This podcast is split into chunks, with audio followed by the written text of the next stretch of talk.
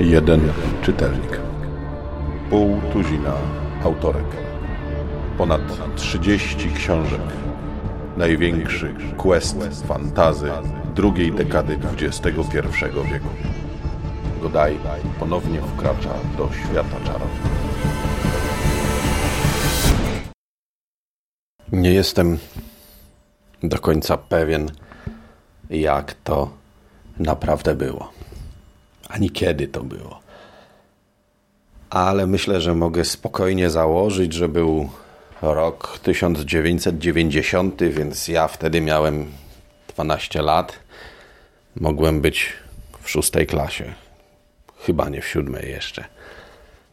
Z jakiejś okazji, nie wiem czy nie pod choinkę przypadkiem dostałem trochę różnych rzeczy, jak to pod choinkę, ale także trzy książki. Książki fantastyczne, bo było już wtedy wiadomo po rodzinie, że ja takie rzeczy lubię. Miałem okazję wcześniej przeczytać e, Hobbita, między innymi. Lubiłem Lema i różne inne rzeczy. I taką fantastykę przygodową, heroiczną gdzieś tam Lubiłem ją. Dostałem wtedy z, z tego gatunku rzeczy trzy. Świat czarownic, Andre Norton, jego kontynuację, Świat czarownic w pułapce i Świat Rokanona Ursuli Le Guin. Dobry zestaw, nie? Chociaż część pewnie powie, że ta Le Guin lepsza i rzeczywiście jest ona gdzieś tam bardziej e, poważana w branży, bardziej ceniona.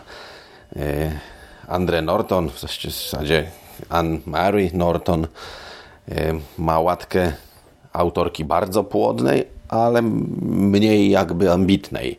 Mniej jej rzeczy były doniosłe. Chociaż trzeba przyznać, że w tamtych czasach, kiedy ona zaczynała pisać w latach 60., E, kobiet w fantastyce było mało i ona oprócz Le Guin była jedną z pionierek obecności kobiet w fantastyce. Nie bez powodu zresztą pisała pod męskim pseudonimem, ponieważ André jest imieniem może nie takim stricte męskim, szowinistycznie maskulinistycznym, ale nie jest też imieniem żeńskim, ewidentnie. E, z jakiegoś powodu, czy to ona, czy wydawca, nie pamiętam już tej historii, E, podjął taką decyzję, żeby do czytelnika, który był wtedy czytelnikiem, no jednak raczej płci męskiej. Astonishing Stories i wszystkie te pulpowe magazyny fantastyczne i całą tą resztę pisali mężczyźni i czytali mężczyźni, chłopcy, powiedzmy, prawda? Czasami. Dlatego ona weszła w ten świat trochę po cichu, jako jedna z pionierek. Świat czarownic jako cykl trwał przez bardzo, bardzo długo. Przez ponad 40 lat. Anne Mary Norton umarła w 2005 roku. Niedawno zresztą była dziesiąta rocznica jej śmierci.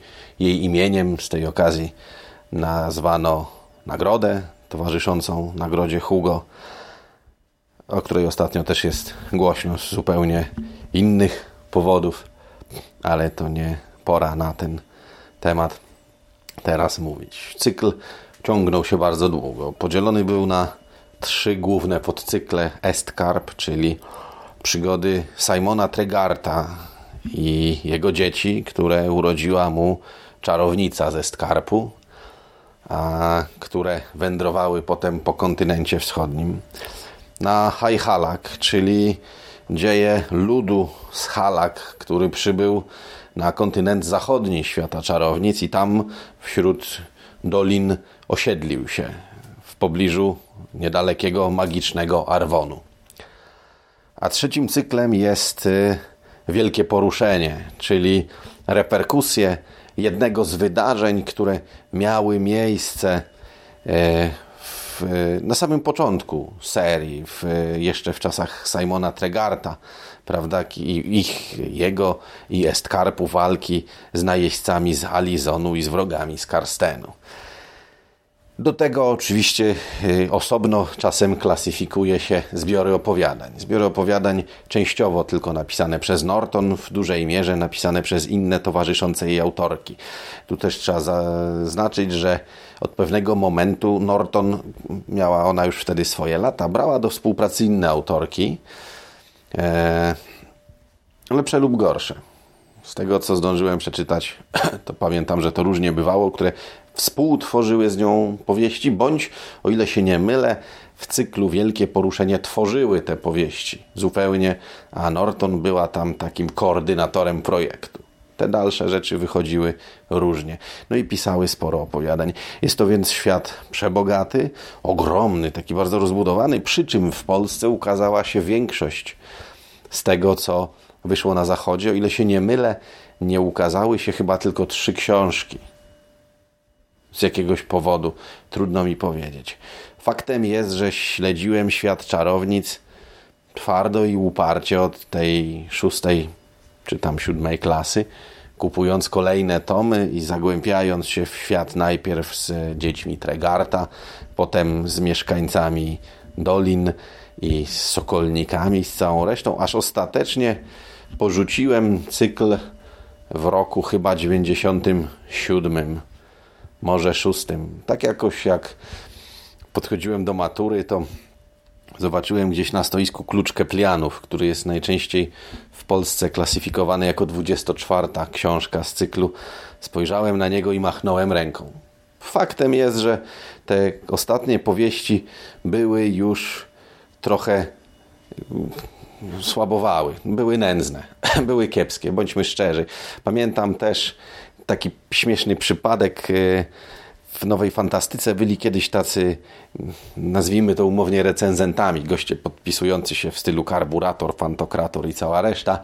Jeden z nich kiedyś e, przepisał streszczenie wydawcy z tylnej strony okładki, bodajże tomu Sokola Magia. Na końcu dodał jeszcze retoryczne pytanie, ciekawe, czy prócz mnie ktoś to czyta. I to poszło do druku i było w fantastyce, tylko że ten biedny Bęcwał nie zorientował się, że wydawca pomylił opis i tytuł i w środku pod tym tytułem znajdowała się książka w oryginale zatytułowana My kobiety.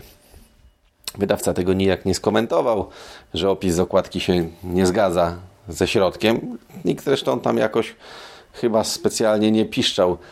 Cyklowi to nie zaszkodziło. Wychodził jeszcze potem, bo ukazał się klucz i magiczny kamień i jeszcze trochę innych rzeczy, a potem jeszcze wyszła cztery tomy opowiadań ze świata czarownic. Więc miała się ta rzecz dobrze, aż ostatecznie zaprzestano jej wydawania. Potem kojarzę, że wydawano ją, przynajmniej zaczynano chyba dwukrotnie w Polsce w formie znowień. Ja w każdym razie śledziłem to, co robił Amber przez te kilka lat. Sześć, może siedem. Czytałem o kolejnych perypetiach kolejnych postaci. I faktem jest, że saga ta, odkąd y, ją skończyłem, to w zasadzie potem po fantazy sięgałem rzadko już. Y, no oczywiście czytałem raz na jakiś czas znowu Tolkiena. Oczywiście powtórzyłem sobie Ziemiomorze. W zasadzie dokończyłem, bo nie przeczytałem go całego na przełomie e, podstawówki liceum. Czytałem jakoś w siódmej, w ósmej klasie to, co wtedy wychodziło i potem coś uzupełniłem, a ostatni tom jakoś mnie ominął. I potem w zasadzie od tamtej pory to z fantazy, co czytałem, to tak głównie Huberat, jeżeli uznamy Huberata za fantazy. Kilka dni temu siedziałem w sieci i przypomniał mi się świat czarownic. Przypomniało mi się to wszystko, przypomniały mi się te przepięknie absurdalne okładki, w większości przypadków zupełnie niepasujące nijak do treści. Od po prostu jest laska z cycem i z gryfem, wrzućmy ją na okładkę, nie? Będzie fajnie. W dalszej części, tej, którą już sobie darowałem, zaczęły się pojawiać rzeczy straszniejsze. Jednorożce, kobiety z długimi włosami. Zajechało mi tak troszeczkę, powiedzmy, ferrinem. Mówię o klimacie, bo nie wiem do końca o czym jest ferrin. Czytałem dużo niepochlebnych opinii i słyszałem i jakoś sam postanowiłem nie próbować. Ale chodziło to za mną parę dni i ostatecznie postanowiłem zrobić taki quest. Trochę absurdalny. Najbardziej chyba absurdalny quest, jaki mógłbym sobie wymyśleć. Postanowiłem przeczytać Świat Czarownic. Albo przynajmniej spróbować, bo to, czy dotrwam do końca, jest yy, niepewne. Rzekłbym nawet, że jest wątpliwe. Ale może przynajmniej pierwszy cykl. Założyłem więc, że będę czytał w miarę możności jedną książkę ze świata czarownic na miesiąc, tak żeby nie zaburzało to za bardzo mojej normalnej kolejki czytelniczej, w której i tak mam opróżnienia, braki i półkę z leżącymi papierowymi książkami, a na to, co czeka w e-bookach, to nawet patrzeć mi się nie chce i myśleć o tym. Jest dużo różnych rzeczy, zwłaszcza, że nadrabiam teraz starocie, bo lubię starą fantastykę i ta Norton w jakiś tam sposób wpisuje się gdzieś w moje czytelnicze nawyki. A więc postanowiłem zacząć znów czytać Świat Czarownic. Na łamach tego cyklu, jeżeli dobrze pójdzie, chociaż nie mogę tego zagwarantować, raz w miesiącu będę zdawał Wam relacje z jednej kolejnej książki. Będę starał czytać się je cyklami i gdzieś tam powiedzmy tą uznaną chronologią, raczej fabularną niż faktyczną chronologią wydarzeń w świecie. Tym bardziej, że no tak na dobrą sprawę High Halak ze Skarpem przeplatają się mocno, fragmenty wielkiego poruszenia, potem gdzieś kontynuują wątki rozpoczęte przez dzieci Tregarta, ale y, już Reading Order to troszeczkę ponad moje siły. Jestem więc przygotowany. Mam 33 wydane w Polsce książki ze świata czarownic. Wyszły 34, dlatego że wcześniej, zanim Amber się za to wziął, Zysk bodajże i spółka wypuścili pod tytułem Świat magii czarownic. Tak, potworny trochę tytuł. E, łącznie dwa tomy opowiadań. Magia świata czarownic i mądrość świata czarownic. Albo jakoś tak. Mniejsza z tym teraz. Jak długo mi się uda? Nie wiem. Jeżeli przetrwam cały ten quest, to ostatnią audycję z cyklu usłyszycie za niespełna 3 lata. W końcu przy założeniu, że jeden na miesiąc daje nam to właśnie niespełna 3 lata. Na pewno będą jakieś poślizgi. Jeżeli jesteście ciekawi, jak to wygląda, to zapraszam Was do śledzenia. Nie wiem, czy to mądre, nie wiem, czy to ma sens, ale czy wszystko, co robimy w życiu, musi być mądre albo musi mieć sens? Ważne, żeby dawało frajdę. To jest podstawowa rola czytania. Czytać tak, żeby było fajnie, żeby było przyjemnie, żeby to czytanie sprawiało odbiorcy radość, żeby ubogacało go niekoniecznie tylko intelektualnie czy merytorycznie, ale również na takim najprostszym poziomie rozrywkowym.